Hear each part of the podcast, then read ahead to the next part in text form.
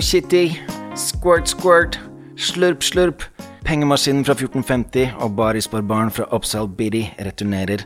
Lotion og Smestad er i full effect, baby. Pimp Lotion, hvordan, eh, hvordan går det?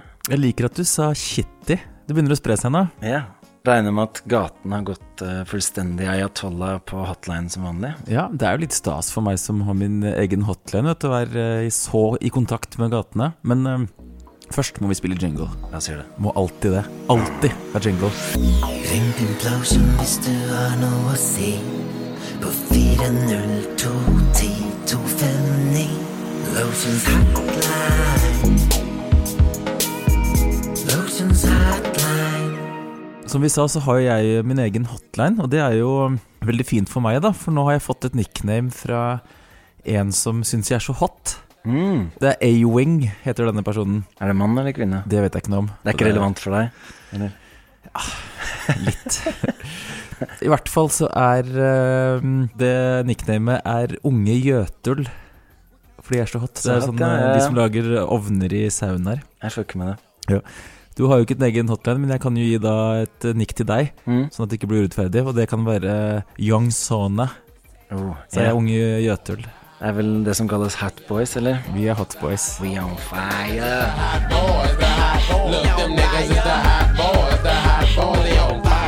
Men du har jo en homie som heter Peismann, har du ikke det? Mm. Han er hot. Han er, han er jøtul. Han er hot. Det er en hotboy. boy. Men hvem var det igjen? Mr. P. Han name-dropper sin del, del bangers og sånn. Blant annet en låt som heter Dag 1. Han er en av mine Dag 1s. Så har jeg fått en melding fra Timan. Jeg lurer på om det er han homien til eh, Steinar Ingebretsen. Og han skriver Er han fortsatt gangster, eller har han blitt gay? Er han fortsatt inspirert av folk som Dr. Dre? Hvorfor er ikke Rulle med lotion på Spotify? Den er på Spotify. Den er det, ja. Men ok, og så, og så spør han hvorfor er ikke Hva er forskjellen på Spotify? Det, jeg, jeg, jeg tror ikke vi har noe sånn bra opptak av den, rett og slett. Altså. Nei, Så- det tror ikke jeg heller. Så jeg er ikke hvordan, eh, hvordan han har den. Mm. Men apropos at uh, folk syns jeg er hot, han her vet jeg i hvert fall er en mann, da. Og han skriver at uh, kallenavn til meg, siden de har så fint hår, Pimp L'Oreal. Mm. Vi var jo inne på at du var bi... hva var det det var igjen? Uh, uh, Laurel B. Laurel B. Ja, Men mm. faktisk er den her ganske bra, skjønner du, for det er Pimp L Oreal. Altså det er jo L-Oreal. Så det, det er en Pimp LO, da. ja, Kanskje vi bør kjøre hver vår sånn Loreal-inspirerte T-shirt på Sentrum Ja, du, hva var din igjen? L-Oreal. Ja, L-Oreal, ja. Og så er jeg Pimp L-Oreal. På originalen så står det Paris under, så det kan stå Nesodden på min og Oppsal på Ja. Men det kan jo stå Pimp L-Oral, da. Så akkurat som vi er kjærester. Mm. Ellers så lurer jeg nesten på om han Timan prøver å legge han på meg, da. Ja, ja. Det er jo litt sånn post-pride-stemning i gatene nå. Han syns i hvert fall at jeg er hot. Er han fortsatt like gangster? Er han blitt gay? Er han fortsatt inspirert av folk som Dr. Dre? Roper ungene hei når han går rundt på gata? Er han fortsatt ikke selvsikker? Fortsatt ikke hard? Så har jeg fått en melding fra Lasciano Traktekantarell. Og han skriver Yo Lotion, det er jeg som toastet dub til deg på EVO, så nå er jeg spent på hva du har planlagt det kommer i gave. Og er det lov til å komme med ønskeliste? Og det han da ønsker seg, er en, eh, en pose pimpflak og en ti, da. Ah, Så det må jeg klare å få ordne. Vi jobber jo litt mot klokka nå, for du skal jo rekke trening på EVO i, nå i kveld. Så kanskje du ser han eh, kantarellen der up in the club. Kanskje jeg må dra med en pose pimpflak. Uansett så er det jo kosthold er viktig hvis du skal bli nener, vet du. Det er sant. Raske krav, spise kjeps når du trener. Jeg og Ice var jo med på hyttetur hos eh, Leif Arne forresten for noen eh, uker siden. Det var eh, idylliske greier. Altså, han hadde volleyballbane på hytta som også, så det ble Ice gjorde det veldig bra, men han var den eneste som var edru også, så hvem vet. En røslig kar, Leif Arne er ingen spjæling. Man kan se at han er opptatt av ernæring. Og når jeg spør om han har treningstips, da anbefaler han meg å spise sørlandschips. Kosthold er viktig hvis du vil bli en ener. Raske kaps, spis chips når du trøm. Ellers så har han også en um, Evo-romaskin-inspirert nikk til meg. Så han så tydeligvis hva jeg drev med, i hvert fall. Fordi eh, nicknamet er Concept 2 Chains. Den maskinen heter jo Concept 2. Så det er meg, Concept 2 Chains. Det er vel på tide at du name-dropper den eh, maskinen snart, eller? Det er veldig på tide. Jeg har jo også hatt en liten tradisjon for å komme med niks til meg selv. Og jeg har nemlig en uh, i litt samme gate. Vent, da. Begynner på nytt igjen. Ja, du sa noe med at jeg må name-droppe deg, og så ja. Eh, ja, det må jeg nesten gjøre. Det hørtes ikke overbevisende Det er det mest skuespilleraktige jeg har hørt. Nå fikk vi i hvert fall en bra latter. Jeg kan klippe inn etter at jeg drar en vits En dårlig vits, liksom. som jeg leste inn i ettertid. Du må nesten ha det med, for det var så dårlig. Ja, I Oh, hvert fall i den forbindelse da at eh, han kom med dette um, Concept 2 Chains-nikket, Mm. så har jeg en For jeg har jo hatt en uh, tradisjon å gi meg selv klengenavn. Og det som jeg da foreslår til meg selv, er Cardio istedenfor Mm, Cardi B. ja, Altså ja. Cardio. Veldig bra. veldig bra. Og så har jeg en litt i samme gate òg, fordi at når jeg driver med denne crazy roinga, så er det sånn at jeg jeg har faktisk tenkt ofte på det. Da, at eh, jeg går så i kjelleren at jeg føler at jeg får eh, testa ut om jeg har hjertefeil eller ikke. Fordi jeg hadde sannsynligvis fått hjerteinfarkt da, hvis jeg hadde hatt det. Mm. Uh, Og da har jeg tenkt på et nytt nickname, og det er Halvard Flatline. Ah, Halvard Flatline-inspirert. Jeg, Ja, har jeg vært innom han han i Mm. noen uh, episoder tidligere.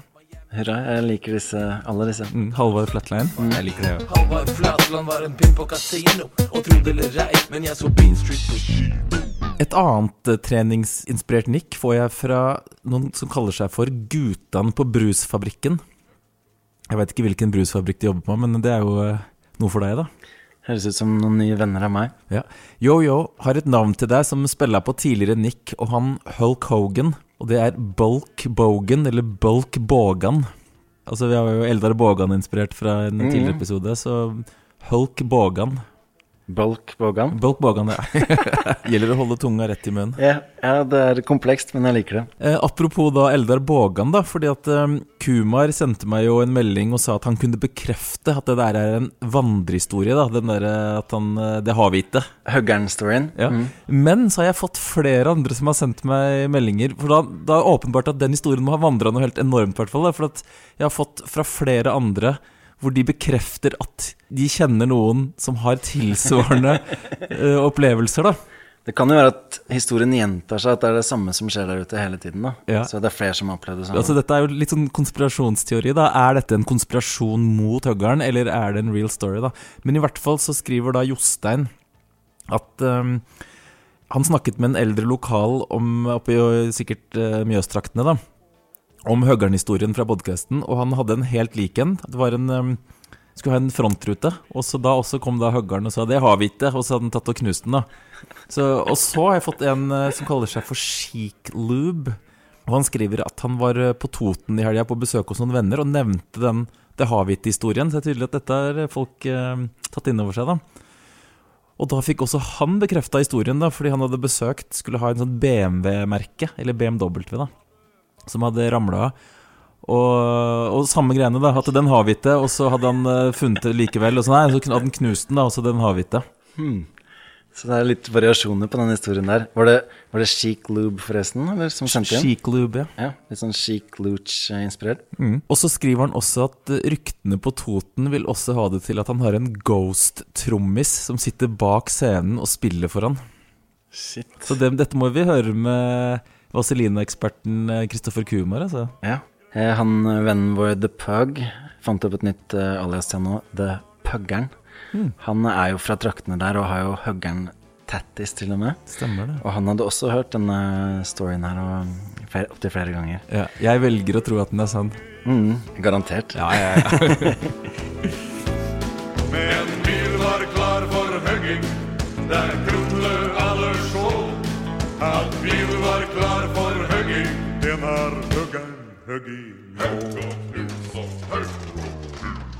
The Pug kom forresten med et nikk til Big Ice. Han uh, hører vel ikke så ofte på podcasten, men Willy P. For han heter jo Ja, Ville Willy Paulsen, ja. så er liksom Willy D-aktig. Han er jo hissig også, så Willy D han driver jo og runner for sånn eh, noen sånn politiske verv i Houston om dagen. da Både Scarface og Willy D, er det det at de prøver å bli borgermestere eller noe?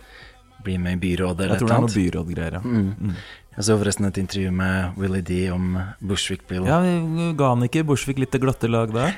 Det, var, det var ikke sånn veldig hyggelig, eh, intervju. Han fikk spørsmål om han skulle i begravelsen. Så nei, eh, han likte ikke meg, og jeg likte ikke han, så jeg ser ikke noen grunn til det.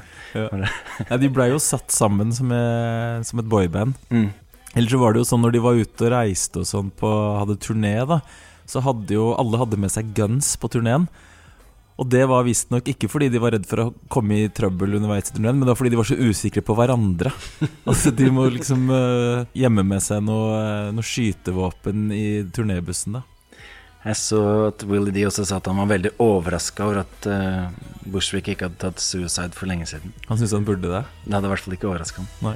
Men uh, som jeg spilte i den forrige episoden, så var han i hvert fall ganske opptatt av det. da Ja, det kan man si.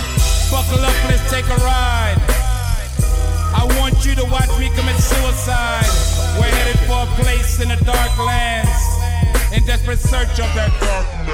En som kaller seg for Snook Dog.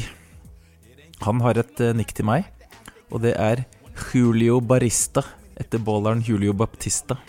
Ah, Og så skriver han at eh, jeg er egentlig en backpacker og into indie-rock, men etter at en kompis tipsa meg om casten, så har jeg blitt mer og mer frelst av PG. Og vil takke for at dere holder dere ekte, og vil stille et spørsmål. Hva syns vi om Beastie Boys? Og det er litt funny at han spør, for det Ja. snakka vi om når vi kjørte hjem fra det Hallingmarken i Nesbyen. Så vi faktisk, satt vi og skravla i bilen om akkurat Beastie Boys. da Mm. Jeg hørte jo på den um, biografien deres, som de har lest inn selv, på audiobook. Det er ganske mye um, sære ting og sånn, men også veldig mye morsomt, da. De har lest inn, og det er vel en sånn morsom gruppe. Jeg har aldri digga dem eller hørt noe særlig på det selv, altså. Men uh, Nei, så når de kom, da, så var det jo øh, Det var jo litt sånn øh, reverse øh, racism i den perioden der, eller kanskje fortsatt, men de var jo hvite, så da kunne jo ikke jeg høre på Beastie Boys. Det var jo Men nå i ettertid så syns jeg faktisk at de to første albumene de kom med, er ganske morsomme og litt sånn Altså, de har veldig unik det er veldig særpreg på, på låtene sine. da Og så kom de faktisk altså, det, Et eller annet Et tredje-fjerde album eller noe sånt som het um, Check Your Head, tror jeg. Da plutselig ble de en sånn gruppe, da de, et, eller et band, hvor de faktisk spilte instrumentene og, og blei litt mer sånn ja, sånn punkaktig gruppe som faktisk funka ganske bra, da. Så jeg må nesten innrømme at jeg syns Beastie Boys er litt kule, da. Ja, jeg liker faktisk den største hiten deres, Intergalactic, også. Ja, og Sabotage. Sabotage. ja. Vi begynte vel kanskje å snakke om det etter at vi hørte på den ene E40-låta som vi digger veldig, som heter The Story, hvor han har liksom brukt elementer fra det Here's a little story I got to tell. Ja. Så man her, høre et klipp av den gode låta. Ja, så istedenfor å spille noe Beastie Boys nå, så spiller vi litt E40. Da.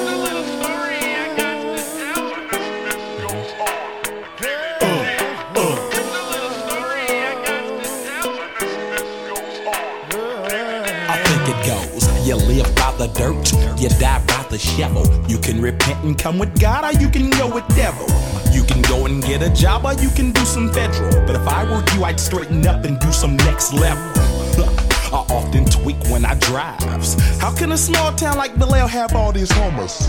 Ellers så har jo han Pill med Trap Going Ham har jo også Riktig. Og Farside også, så det er mye som har blitt inspirert av Beastie Boys også. Ja. Men de har faktisk i hvert fall sånn de to retningene de har gått i. da Den første som var mer sånn tradisjonell hiphop, og så det som ble mer litt sånn rockete. De har, de har hatt veldig sånn unik særpreg på stilen sin, så jeg absolutt uh, syns Beastie Boys er, eh, har eh, satt sitt preg på uh, musikkhistorien. Det som var litt turnoff for meg, var, eh, var nok at det første jeg hørte fra dem, var den Fight for your right to party.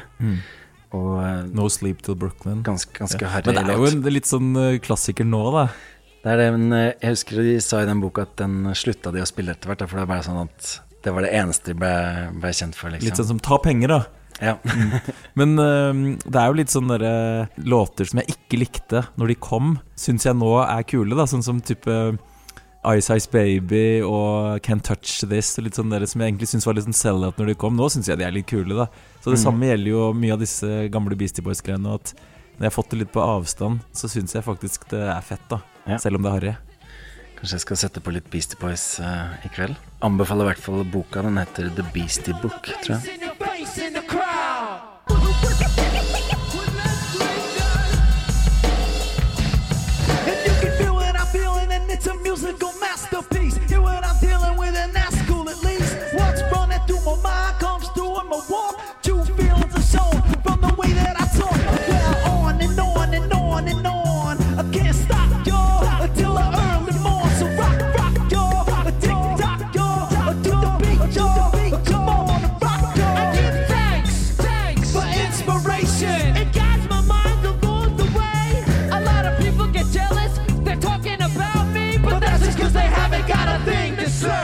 Så har eh, Marlen Hun lurer på hvorfor vi hater East Coast. Og det er jo egentlig ikke sant. Nei, men uh, Nå har vi akkurat sagt at vi, vi elsker Beastie Boys. Men uh, altså det som er greia, er at uh, hvis jeg skal snakke for meg selv, da, så er det jo at eh, når, vi, når jeg hørte på rap sånn, Når den verste East Coast-West Coast-krigen gikk, så måtte man på en måte ta et valg, da. Det, der gikk det ikke an å like begge deler, og spesielt siden 95% var East Coast-folk. Så måtte jeg ta et sånn 100 standpunkt at jeg tok da vestkystens eh, side i den krigen. Men det fins jo masse East Coast som jeg syns er helt greit, og som jeg har hørt på masse. Sånn at jeg hater det ikke. Nei, jeg hørte jo på masse East Coast eh, også når jeg begynte å bli into rap. Og det var jo sånn som du sa, at i Norge så var det da så East Coast-dominert at jeg syns jo jeg digga aller mest, var West Coast og gangsterrap. Så da ble det sånn at man fronta det veldig hardt. Og liksom dette er det jeg digger aller mest. Mens jeg digga en del East Coast-ting også, men ofte at jeg syns rapperne var litt kjedeligere eller var mer underholdende og melodisk og sånn med vestkyst, og derfor var det det som jeg digga mest, da. Men eh, Men jeg kan uh, kunne ramse opp masse East Coast-artister som jeg syns er bra, da. absolutt. Så, Kanskje vi skal ha en East Coast-spesial en dag? Oh. For å bevise at vi ikke er haters. Ja. Altså, Jeg liker jo uansett ikke å hate på noen ting. Mm. For det er det som var litt greia når det her eh, pågikk på det verste, er at det, hvis det er noe man ikke liker, bare velg å ikke høre på det. Ikke Mm. hisse opp, liksom. Sånn at hvis du liker East, ja, så hør på East. Hvis du liker West, hør på det. Men jeg har jo egentlig likt mest South, skal jeg være helt ærlig. Da. Så jeg har jo hatt, likt veldig mye West, men jeg er vel kanskje sørstats- og Texas-shit som jeg digga absolutt mest, da. Eh, men eh, en annen ting var jo at det var ikke bare i Norge det var sånn, for eh, The Source, som var liksom hiphop-bibelen, de var ekstremt East Coast. Da. Så for eksempel når en West Coast-klassiker som Sugar Freeze Street Gospel kom ut, de hadde sånn ratingsystem hvor fem mics var det aller høyeste, og så kunne du få sånn fire og en halv, fire, tre og en halv osv.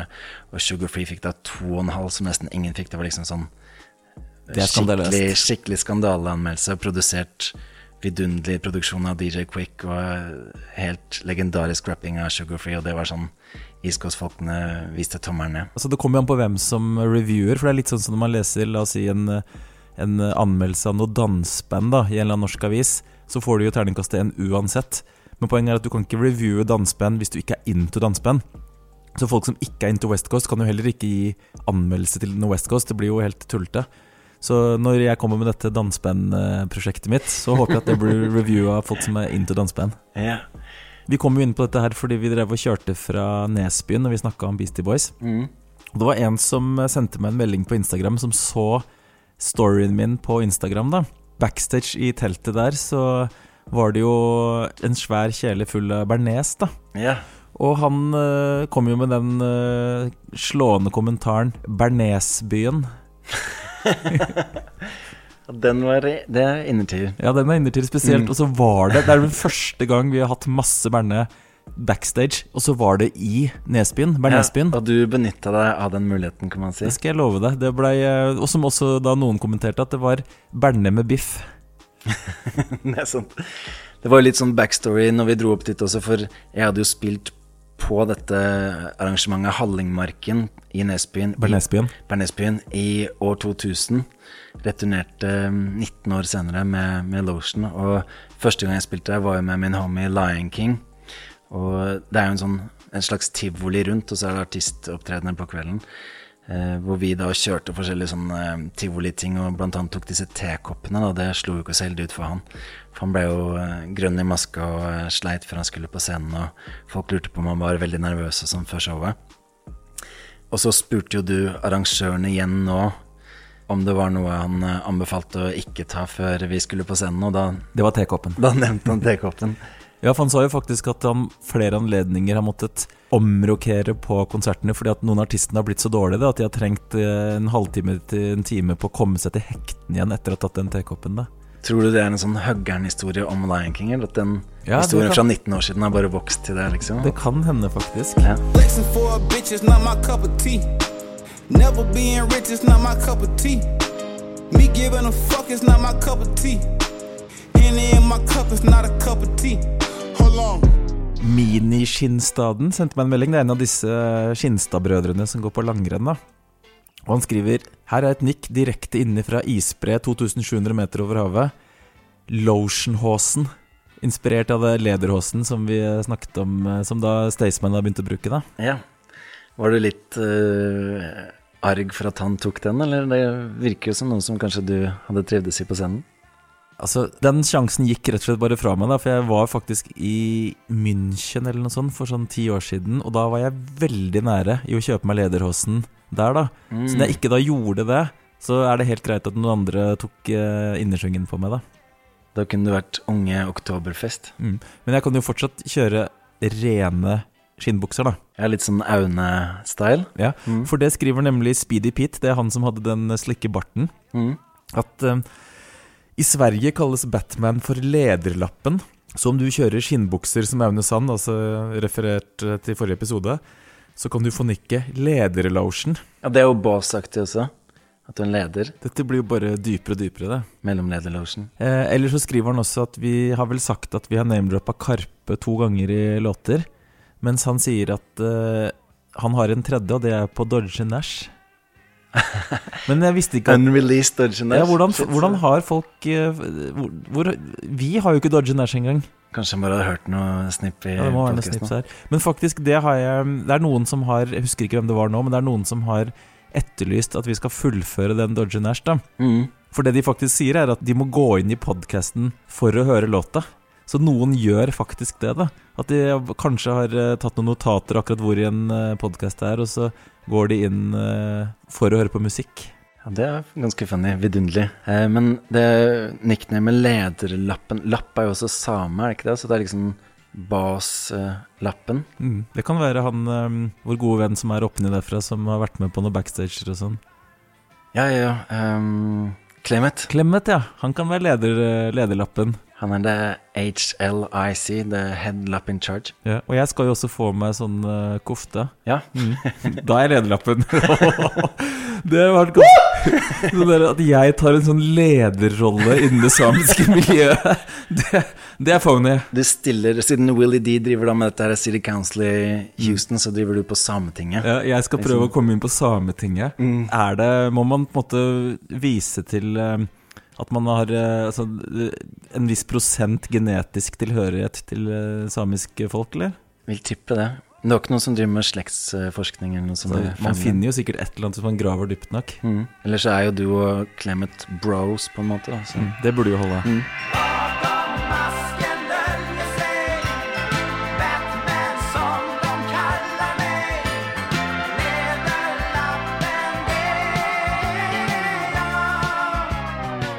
Ellers har jeg fått en eh, mail fra PimpDoc, for nå er det jo 50 år siden månelandingen.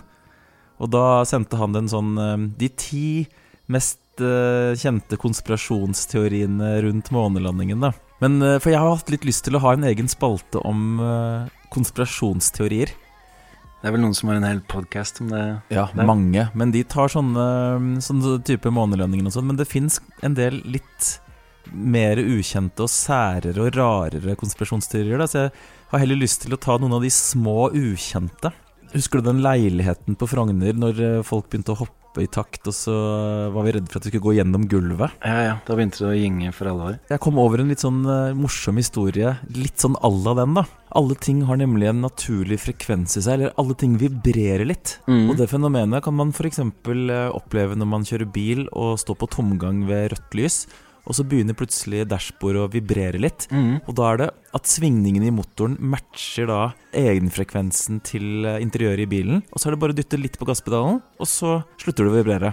Eller så har du sånne operasangere som kan um, synge en veldig høy tone, og så treffer akkurat frekvensen som er glassets egen naturlige frekvens, og så blir det forsterka, og så sprekker da, eller knuser dette glasset, da. Det er for real, altså dette med at de kan synge til glasset knuser? Helt klart. Og da er det et par sånne som jeg kom over, da, litt sånne morsomme historier. Og det ene er i London for eh, ja, rundt år 2000.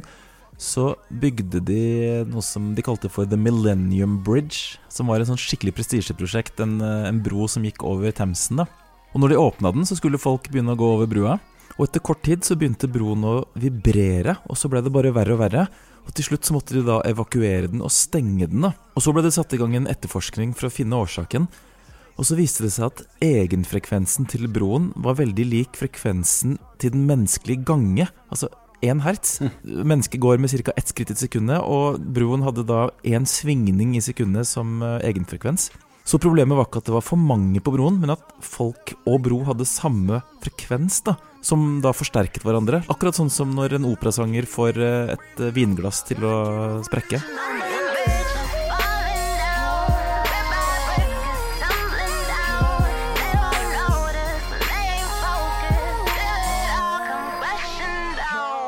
Men det gjelder ikke bare broer, det gjelder også i høyeste grad bygninger. I Sør-Korea så var det en skyskraper som for noen år siden begynte å vibrere skikkelig. da, Og da trodde man først at det var et uh, jordskjelv. Mm. Og den ble jo evakuert, da, denne skyskraperen. Men så viste det at det hadde ikke vært en jordskjelv, så de skjønte ikke da hva som var årsaken til at bygget begynte å vibrere sånn. Og så etter eh, to uker med etterforskning, så fant man ut at i en av etasjene i denne skyskraperen så hadde det noen hatt kontorgymnastikk. Og da hadde de spilt den I Got The Power med Snap. Og den låta hadde akkurat samme frekvens som egenfrekvensen til det bygget. Så, okay, okay. så da kunne de gå tilbake, da. Så gjenskapte de det, hvor de da spilte I Got The Power i det bygget. Mens de fikk altså, så lite som tolv personer til å, å ta den gymnastikken i takt med musikken. Og da begynte bygget å vibrere igjen, da. Ganske crazy. Og det er kun den låta. Men hvor trill er dette her, liksom? Ja, dette er 100% trill. Ok, ok. Så det, det, ja, det er bare å google. Ja, men det er faktisk Dette er real, da. Turbo B får skyskrapere til å vibrere. Ja, tydeligvis.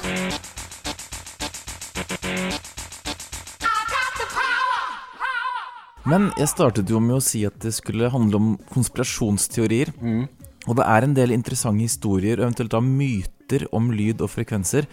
Noe har kanskje rot i virkeligheten, mens andre ting sannsynligvis er bullshit. da Ja. I hvert fall så kan menneskeøret oppfatte lyd mellom 20 og 20 000 hertz. Men det er det som ligger utenfor da det registeret som er litt interessant i disse tilfellene. Ah. Og visstnok, i skrekkfilmer så benytter de seg mye av 17 hertz. For det da, i teorien, skal gi de som ser filmen, en følelse av ubehag og frykt. da Det er også historier som hevder at det har vært tilfeller av folk som har fått hjerteinfarkt, og at indre organer har sprukket. da Jeg tror eh, jeg var i faresonen når eh, vi satt i den gamle linken til Player J. For han hadde koblet noen sånne ville bassgreier, og jeg satt bak. Da kjente jeg det i indre organer, altså. Det var ganske kvalmende. Yo, boo, let's drop some bass make the wall shake and vibrate the floor just like an earthquake. King T is back again, but with a new topic. I wouldn't listen too close to this toxic. Bass to make your heart shiver.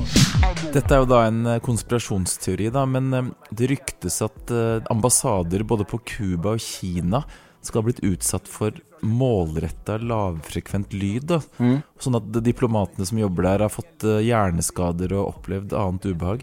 Ah. Og det amerikanske militæret det bruker også da sånne såkalte soniske våpen. Blant annet brukt det mot pirater og som eh, crowd control da, når det har vært opptøyer. Og i teorien så er det da sju hertz, det er sju svingninger i sekundet, det er visstnok den farligste, da, for det er den samme altså egenfrekvensen til hjernen og indre organer, Oh, yeah. som da kan skade sentralnervesystemet og gi oppkast, panikk, angst, sånne ting, da. Håper det er haternes frekvens, altså. Men vi er jo ikke på bølgelengde med dem. Det er galt når de klikker når vi duller up. Det føles riktig når de kaller meg legende. Jeg og haterne, vi er ikke på bølgelengde. Det er mulig at det er sånn der urban legend, da, men det er noe som kalles for the brown note. Og det er da hvis man spiller en lyd på 9 hertz, så kan det føre til ukontrollert tarmevakuering. At du rett og slett driter på deg eh, av den svingningen, da. Tror du det er den ene tonen i sommerkroppen til Mads Hansen, eller som vi reagerer på hver gang vi hører den? Eh, nei, men jeg tror det muligens kan være den derre Når husker du B-Day-låta vår? Når vi fikk eh, en fyr fra England som skulle mikse den. ja. Og så var det et eller annet helt crazy med bassfrekvensen som han fikk det der, som gjorde at jeg, jeg blei kvalm, da. Jeg. Når jeg hørte på det, så blei jeg fysisk uvel ganske tidlig. Og jeg fant fram den, eh, den miksen. Er du, orker du å høre på det, eller? Oh, shit. Jeg tror vi må finne fram en bøtte eller noe sånt. Ja, det står en bøtte bak her som han eh, saksofonisten brukte. Okay. Nei, eh, Du skal få slippe å høre på det nå, men jeg kan spille det når vi er ferdige å snakke om det her. Mm. Så kan lytterne eventuelt få høre om de blir uvelle av denne miksen. Og den har jo på en måte litt ødelagt litt den låta for oss, da. Ja. Fordi jeg blir kvalm når jeg hører den. Ja. Wow, det er din B-day, man. Og hvis du er en G, så er du G-day, man. Nå er du karen som kan tenne sigaren. Og la gutta dine blæste masse spenn opp i barn. Jeg vet du er erfaren når det kommer til dette. Du ser ut som en player som har korker og spretter. Men orker du dette? Denne natta blir lang. Tipper dama di har planlagt noe freaky som presang. Så er det bokt inn fra mastercarding. And I kan stoppe dette gangsterparty. Folk har skålet, kuppen koker. Virker som om alle er over. Får håpe at ingen dreit på seg under dette, da. Tilbake til konspirasjonsteorier. For at, uh, alt dette snakket om, uh, om frekvenser her, det egentlig bunner i at moderne musikk den, Altså alle instrumenter må jo stemmes, sånn at uh, de Når de skal spille sammen, så er de likt stemt. Mm. Og da har de tatt utgangspunkt i den moderne tid Så har de tatt utgangspunkt i en sånn middle A som ligger midt på keyboardet. At det er 440 hertz, da. For før så var det ikke 440, men det var blant annet ja, litt forskjellig, men 432 hertz som man brukte når man skulle stemme. Og så går det da en konspirasjonsteori ut på at uh, Goebbels, Josef Goebbels, han, som propagandaministeren til nazistene, klarte å presse gjennom at man skulle begynne å stemme til 440 istedenfor. Og også da sånne The Rockefellers i USA også pressa gjennom at det skulle bli 440. For det, det som er teorien der, er at det, 432 hertz det er på en måte det harmoniske som samsvarer med klodens egen frekvens. og sånn noe som heter Schumann-resonans og fi, som er sånn det gylne snitt. Og da ting er i harmoni. Men når man da har begynt å tune det til 440, så blir ting disharmonisk og skaper på en måte sånn ubehag, og at befolkningen blir aggressiv og sånne ting. da Så Mm. det er i hvert fall en konspirasjonsserie. Så kanskje vi bør begynne å, når vi lager musikk, tune alle låtene våre ned fra 440 til 432, så får vi sånn deilig harmonisk uh, musikk, og så kan East Coast fortsette med 440. Vi får prøve det. ass. Ja. Ja, det høres veldig spesielt ut. Ja, veldig at det skal påvirke så mye Ja, men igjen så er det jo sånn der at eh, disse historiene som jeg nå da fortalte i forkant av dette, det er jo for å vise hvor mye frekvens har å si. Altså, I Got The Power nesten får en eh, skyskraper til å kollapse, og den miksen av B-Day gjør at vi blir eh, fysisk uvelle, da. Kan det være tittelen på Snap-låta altså, som gjorde det? En slående tittel, i hvert fall. Eventuelt så har jo også 'Rhythm Is A Dancer'. Da. Det var jo liksom rytmen til disse eh, som hadde aerobic. Som uh, muligens Ja, ja. fikk uh, bygningen til å nesten kollapse. Da. Men som sagt, det var ikke antall mennesker som betydde noe. Det, det samme var med den der Millennium Bridge uh, i London. For det var veldig få mennesker som skulle til. Det var rett og slett frekvensene som avgjorde. Mm. Så kanskje det er noe i det, da. At uh, moderne musikk den stemmes ut ifra en litt sånn uh, En annen frekvens som gjør oss egentlig bare sinte og aggressive og eh, syke. Det er litt rart. Jeg ville jo tro at når de frekvensene var like, så var det liksom på bølgelengde og harmonisk, men det virker mer som sånn det opposite, og det blir sånn gnisninger, da. Motsatt er jo hvis du har liksom bølger som er helt opposite, så vil de jo utjevne hverandre, og så blir det null. Jeg tipper at det er det de bruker i sånn noise cancelling headphones og sånn. At de Ja, ja. analyserer eh, bølgene som kommer inn, og så lager de noen akkurat motsatte bølger, og så blir det til så å si null, da. Sånne hundefløyter, hva er det de ligger på? Ja, de er veldig høy frekvens igjen. Så det er jo høyere da enn mennesket kan høre. Kanskje vi skal prøve å legge på noen sånne hundefløyter på en av låtene våre? Ja, det hadde vært faktisk ganske funny. Det.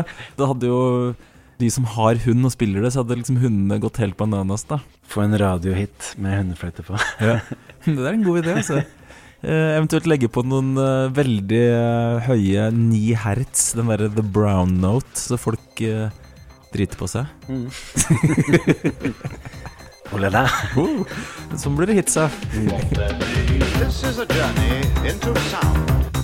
Stereophonic sound. Stereophonic sound. Stereophonic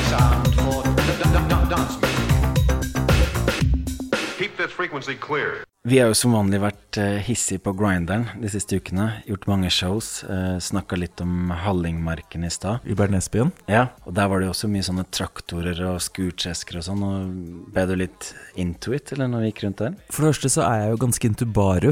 Jeg fikk jo kjapt meg et sånt uh, Subaru parking-skilt. Subaru parking only. Only, ja. Og så er jeg jo litt into felleskjøp òg. Så egentlig så gikk jeg rundt og koste meg der med å titte. Det var sånne stands med litt sånn jordbruksmaskiner og skogsmaskiner og sånn. Ja, for du rocka jo en sånn felleskjøpjakke når vi var der. Det var egentlig ganske perfekt, fordi eh, vi kom jo for å ha lydsjekk, og så hadde vi jo noen timer off. Og det var jo ganske inkognito at jeg cruisa rundt eh, der med denne felleskjøpjakka. Eh, Du hadde jo også, jeg vet ikke om dette ble blipesport, men du hadde jo en del også sånn både nedlatende kommentarer om folk fra bygda, men også at det var litt sånn imponert. At det var litt sånn todelt uh, syn på det. Husker du det? eller? Jeg husker ikke at jeg var imponert. At de liksom De turte å gi fullstendig er sånn, ja, det er digg. Mm. Ja. Ja. For det er jo noe vi har lagt merke til når vi har vært ute og kjørt en del. da Altså De veldig veldig, veldig små stedene hvor folk bor sånn at de omtrent ikke ser mennesker. Så er det akkurat som at de liksom gradvis til slutt bare gir fullstendig F i personlig hygiene og utseende. da Sånn at um, når vi er på disse småstedene og kanskje stopper på en bensinstasjon, så er det liksom Sjelden jeg ser så mye møkkete folk. Skitne place. Mm, Veldig skitne. Er dette noe bra for å få fans på bygda, eller?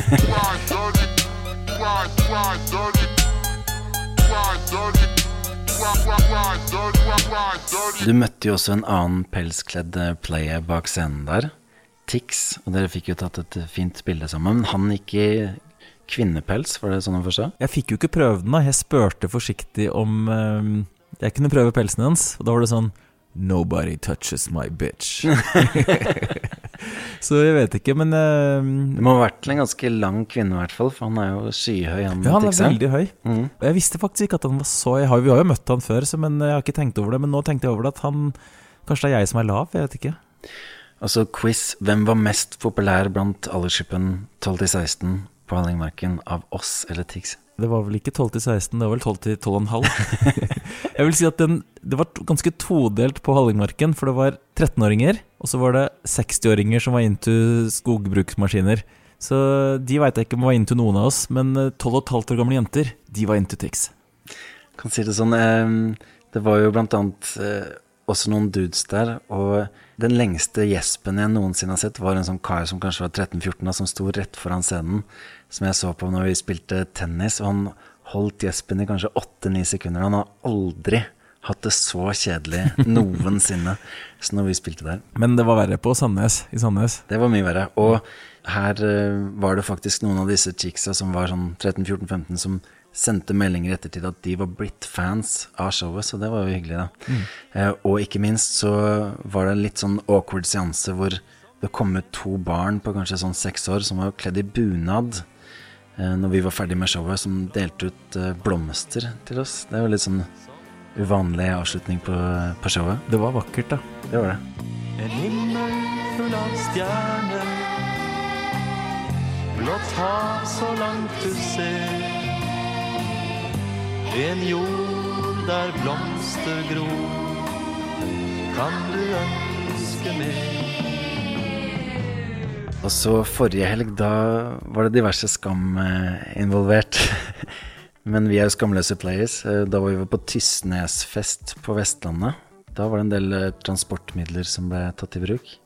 Ja, det ble en del skam involvert der, men vi starta jo dagen med elbil, da. Så jeg føler jo kanskje at det oppveide for eh, all annen skam. Ellers så eier vi jo ikke skam, da. Det er sant. Ble plukka opp av han uh, unge Mats Hansen i elbilen hans. Det er en sånn Audi som du sikler på, er det ikke det? Ja, en sånn E-tron-sak, da. Og så kjørte vi til privatflyplassen på eh, Gardermoen, som ligger litt sånn off the grid, vanskelig å finne. GA-terminalen for de største gangsterne. Parkerte ved noen Bentleys der, og så var det en sånn symbolsk security check hvor eh, de hadde som motto 'kunden har alltid rett'. Ja, jeg oppdaga jo etterpå at jeg hadde jo bagen full av brus, da. Eller sånn, eh, sånn ting som ikke skulle vært eh, passert denne sikkerhetskontrollen. Og hun eh, dama som jobba der, hun så ut som hun på en måte egentlig kanskje var eh, pensjonert fra den vanlige sikkerhetskontrollen og fikk lov til å, å jobbe der sånn eh, for å fortsatt ha noe å gjøre, da. Men da var det bare du og meg og Hansen som ble mm, geleidet til et privatfly. Vi båsa opp, fikk noe dranks og sånn der. Dette privatflyet hadde da flydd tomt fra Bergen til Oslo for å plukke opp oss og- fly til Bergen. Hvor vi hadde jo all verdens tid, så vi kunne jo godt tatt et vanlig rutefly, i hvert fall den veien, da. Det er sant. Vi kjenner jo forresten han eh, Andreas som driver dette Choose. Jeg vet ikke hvis han hører på hva han, hva han syns om dette her, men Jeg tror han liker det. Mm. Og så toucha vi ned i Bergen. Var uh, morsom flytur, forresten. Han tok jo annet en uh, bottle cap eh, challenge i lufta, han uh, Mats. Og han snakka vel om en ny podkast han hadde også, som Ja. het noe sånn Topp tre. Top tre. Mm, Mm. Den eh, må dere sjekke ut. Uh, landa i Bergen, ble plukka opp av en minibuss, og så kjørte vi videre mot Tysnes, som det er en øy. Ble vi henta en yacht. Kjørte yacht ut i øya. Var på øya en del timer, båla, spilte show. Ble henta i helikopter derfra. Kjørt til privatflyplassen. Ja, men så var det jo at eh, det helikopteret fikk ikke lande akkurat der hvor eh, flyet sto.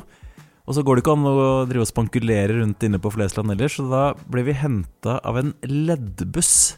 Tre stykker i en svær leddbuss ble vi tre da henta. Ganske nødvendig. Så ikke ut som han hadde så mye å gjøre, eller han eh, leddbussjåføren hadde noen eh, krimbøker på dashbordet og sånn. Var det snøstorm? Eh, dessverre ikke. Og så var det jo da privatfly på vei tilbake, da. Mm. Det blir litt nedtur eh, med vanlig rutefly igjen. Vi ble fort godt vant, kan du si. Veldig. Og bare slippe all denne security og køer og føltes ganske bossy. Ja, det var ganske deilig at når man kommer kjørende opp til terminalen, så står piloten og venter på deg utenfor for å bære bagen din. Det er sant. Vil du si at du var litt instavennlig den turen også, eller? Bitte litt. Vi syns det var litt stas. Ja, vi likte det.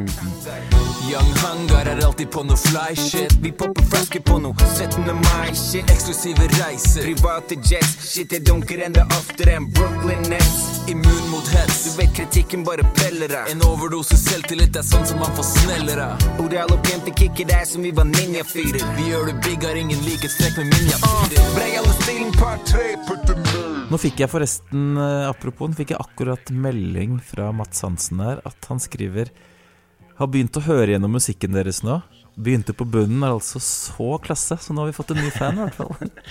Ja, han, eh, han var en morsom fyr, og han Var jo veldig opptatt av dette med urinen, hvordan den ble påvirket av eh, forskjellige ting som du spiste. Asparges. Ja, og han kjørte jo på backstage med et tonn med asparges. Da. Så når vi landa i Oslo igjen, så skulle han på do før meg. Jeg så ikke at han gikk inn, så jeg kom inn og fikk liksom den, Den hissigste aspargesstanken i, i Mm. fjeset. da Han mente at det lukta godt, da. Ja, det, det, og sprøstekt løk. Det er jo gourmet. Ja, for det, det er jo én ting, da, at vi prata om at han mente at sprøstekt løk gir en viss sånn uh, lukt. Ja, det gjør det. Det har jeg lagt merke til. Ja, for det driver ikke jeg med. Også, jeg mener at hvis du drikker mye kaffe, så lukter det puffa ris eller noe sånt. Eh, eller, sånn, eller honningkorn, da, okay. eh, når man tisser. Og så var det en tredje ting òg. Det var vel mer dette med sæden som eh, ble visst påvirka av noe ananasspising. Ja, ananas var det. Mm. Var det positivt eller negativt? Det skulle vært veldig, veldig bra. Det ble veldig juicy. Og, Chicks love it. Ja, Mm. mm. Men eh, jeg har lyst til å ta en test, faktisk. Det blir jo i en annen episode, da. Men hvor fort det går fra man spiser asparges til For jeg har en følelse at det går Det er nesten instant. Ja, det er instant. Jeg tok den Jeg grilla noe asparges eh, for et par dager siden, og da Og da kom lukta mens du fortsatt grilla? Mm. Ja, hvor instant da? 15 sekunder? Jeg var uh, og tissa kanskje ett og et halvt minutt etterpå. Og da var det? Ja, ja. Jeg skjønner ikke hvordan den prosessen kan foregå. For det må jo via magen og fordøyes og sånn. Gå rett ut i Gå rett ut av tissen. Piss, it smells nasty. It's just like how I feel. Every now and then I get lost with a couple pills. Addiction runs in my blood, my battle's telling me to chill.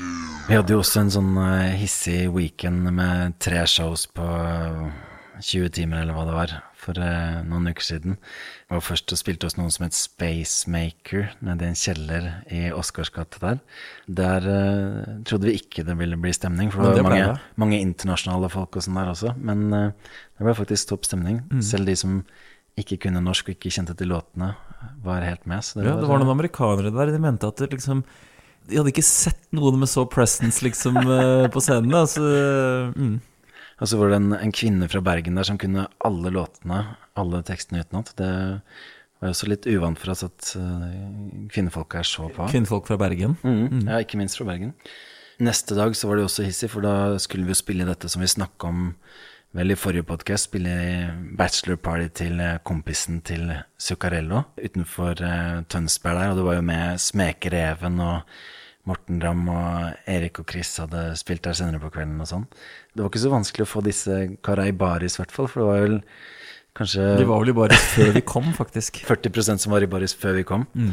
Men må jo gi en eh, stor skjæra til Zuccarello. Dette var før han ble signa til eh, Minnesota Det var vel dagen før eller noe sånt, så jeg tipper Mm. han kanskje visste ja, Han, han sa han var eh, helt i villrådet da, sånn, så Det var, var bra, da, for det kosta jo litt dette utrykningslaget her, så nå fikk han jo muligens uh, tjent inn til å ikke gå i minus der, i hvert fall. De båla ganske heavy. Det var sånn food truck og stor festivalscene, og de var vel en 20 stykker eller noe sånt. Så. Mm. Hvordan heter han som skulle gifte seg? Bonax... Bon, Bon- Bonsaksen. Bonsaksen. Det, er litt, det er ikke så mange som heter det. Det vil jeg påstå. Jeg har ikke, jeg har ikke hørt det før. Det høres oppkonstruert ut. Mm. Dette er en ny konspirasjonsteori. Men det er vel um, hun Silje Norendal, som, hun snowboardkjøreren som uh, han skal gifte seg med. Og hun hang vi faktisk med backstage på sånn Snowboard Awards som vi spilte på i fjor eller noe sånt. Så liten verden. Mm. Så var det videre til Hanke, Spille for en sånn baller-familie der. Hallo til deg, Preben.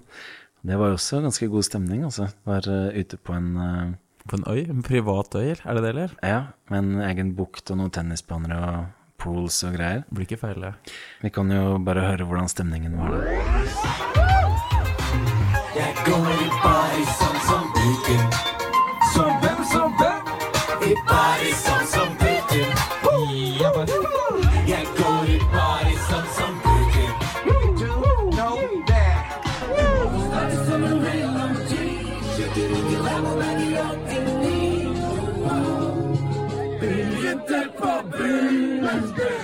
Det har jo vært en god del snakk om den pizzaen The All. Den eh, hemmelige på menyen til Bobos. Nummer 35. Ja. Eh, men jeg så eh, her om dagen at han Jadakiss Eller hva er det han har for noen? Ja, noe sånt. Mm. Han eh, Hadde vært på Bobos? Han hadde ikke vært på Bobos, men han hadde bestilt noe Kan si det var det motsatte av The All. Han hadde Bare bestilt bunn? bare crust. Så han hadde fått bestilt fra et eller annet, om det var Domino's eller hva som helst, så hadde bare fått skjært bort hele pizzaen og kun hatt den sirkelen med crust. da Det er litt sånn opposite-aktig. Det er litt sånn som Seinfeld òg, med sånn muffintops, da. Men jeg tenkte at JDK sin pizza er da The All Most Nothing. Å, ja, den var bra. Mm. Men ellers så det kan jo hende at de var litt sleipe der, da. Og de bare For veldig mange spiser jo alt utenom the crust. Så kanskje de faktisk bare plukka det opp fra søppelkassa der, masse crust fra de andre kundene, og så bare sendte Limte til det sammen. Ja. Da blir den fornøyd. Da blir den glad. Men jeg tror ikke det er en som kommer til å slå an. Altså en uh, strictly crust. Det er vel egentlig bare brød, det, da. Det er ikke noe for low carb Breadsticks. geeks, i hvert fall. Han hadde vel uttalt noe sånt som at dairy is the enemy, altså melkeprodukter er fienden. Men da kunne han egentlig bare bestilt uten ost, så hadde jo alt vært løst. I can't have any dairy foods,